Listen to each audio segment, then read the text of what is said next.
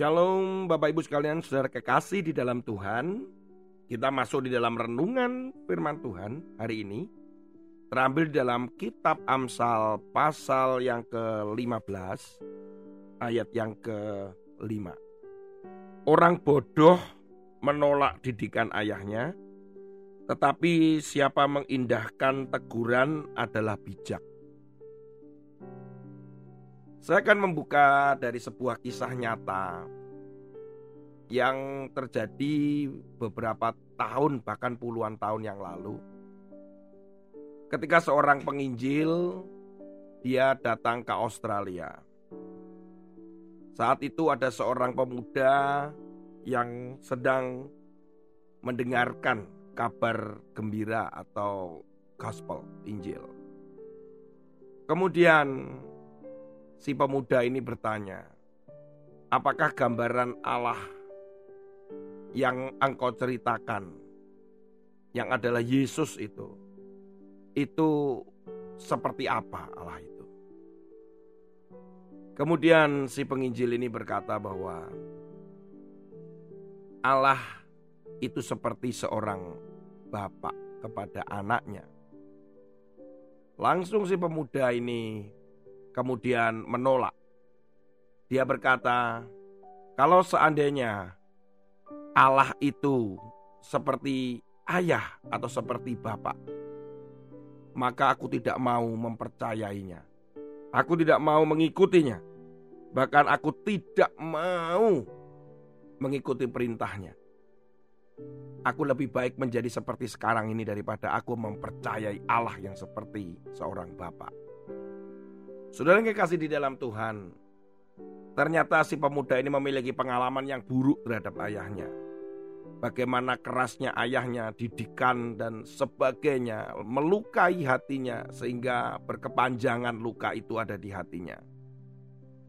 Saudara yang kekasih di dalam Tuhan, firman Tuhan hari ini dikatakan orang bodoh menolak didikan ayahnya. Saya mencoba dari perspektif yang lain. Jangan-jangan ayah ini yang membuat bodoh. Membuat bodoh anaknya untuk tidak mengenal Allah yang benar.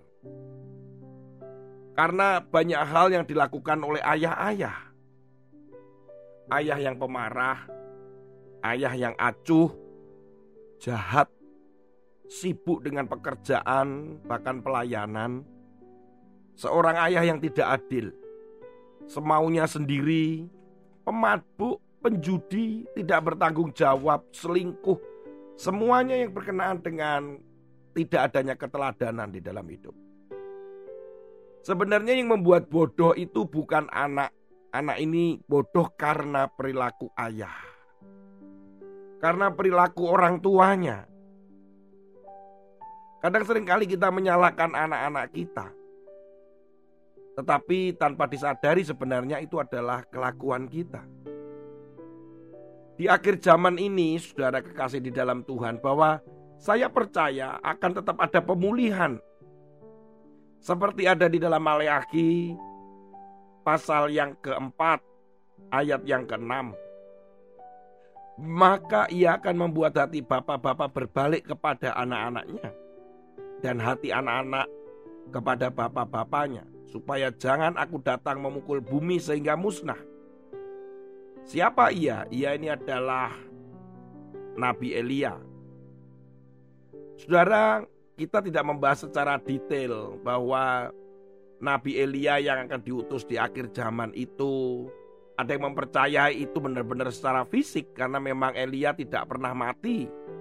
Elia diangkat naik ke sorga. Tapi ada yang berbicara itu adalah spirit, itu roh. Ada juga yang mengatakan bahwa Elia itu adalah gambaran daripada Yohanes Pembaptis. Karena yang membuka jalan. Tapi yang saya percayai adalah tetap terjadinya pemulihan di akhir zaman. Saudara yang kekasih di dalam Tuhan, jangan selalu berpikir bahwa konteksnya hanya sekedar ayah atau bapak-bapak, tetapi sebenarnya ini juga berbicara tentang orang tua. Bisa jadi itu adalah ibu, bisa jadi itu adalah seorang ayah. Bagaimana kita sebagai seorang yang dipercaya Tuhan, kita memiliki anak-anak. Ketika anak-anak itu kehilangan sosok orang tuanya, kehilangan keteladanan dari orang tuanya, jauh hubungannya dari orang tuanya, terutama ayah. Sebuah survei yang mencengangkan dikatakan bahwa mereka akan lima kali lebih mungkin bunuh diri. 32 kali lebih mungkin minggat dari rumah.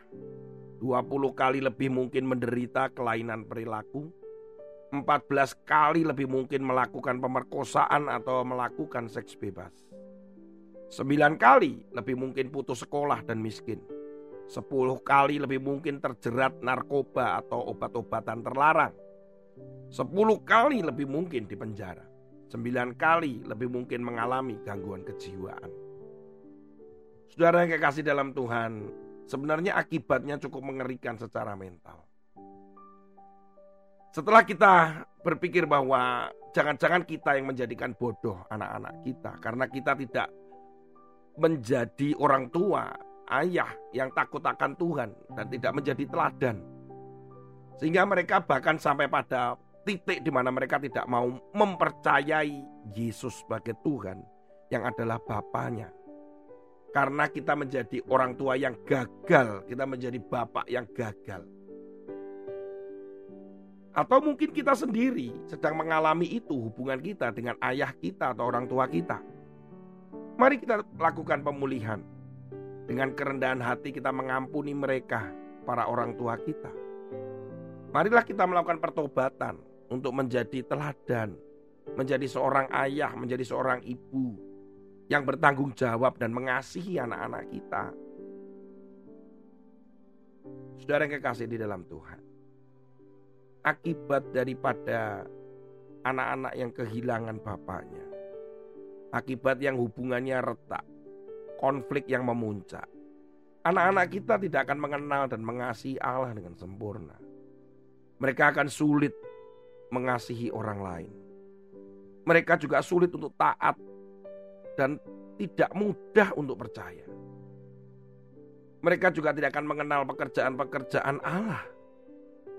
Mereka tidak melayani dengan benar ketika mereka terjun di dalam pelayanan di gereja hubungan mereka dengan kita juga nggak harmonis. Saudara, akibat-akibat ini yang kita harus perhatikan. Karena kita dipercaya Tuhan untuk menyelamatkan, memuridkan mereka. Atau mungkin diri kita sendiri mengalami apa yang saya sebutkan tadi di awal. Itu karena hubungan kita dengan orang tua kita, terutama ayah, memang sedang di dalam permasalahan. Mari kita belajar satu hal, dua hal, tiga hal. Yang pertama, kita berbicara bahwa mari kita bertobat untuk menjadi orang tua atau ayah yang tidak menjadikan anak-anak kita bodoh. Karena kita tidak menjadi ayah yang baik, orang tua yang baik dan bertanggung jawab. Yang takut akan Tuhan, enggak, mesti bertobat. Yang kedua, Jangan-jangan kita mengalami hal yang sama. Kita memiliki hubungan dengan orang tua kita yang kacau. Sehingga kita tidak pernah mengenal kasih Allah dengan sempurna. Kita nggak bisa mengasihi dan mengampuni orang lain. Kita nggak taat.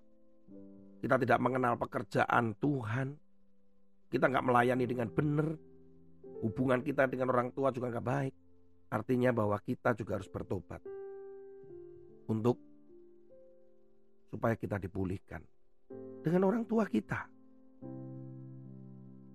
Sudah kasih dalam Tuhan, mari biarkan hati Bapa itu ada di dalam hatimu, hatiku, dan dipulihkan secara sempurna. Tuhan Yesus memberkati saudara. Amin.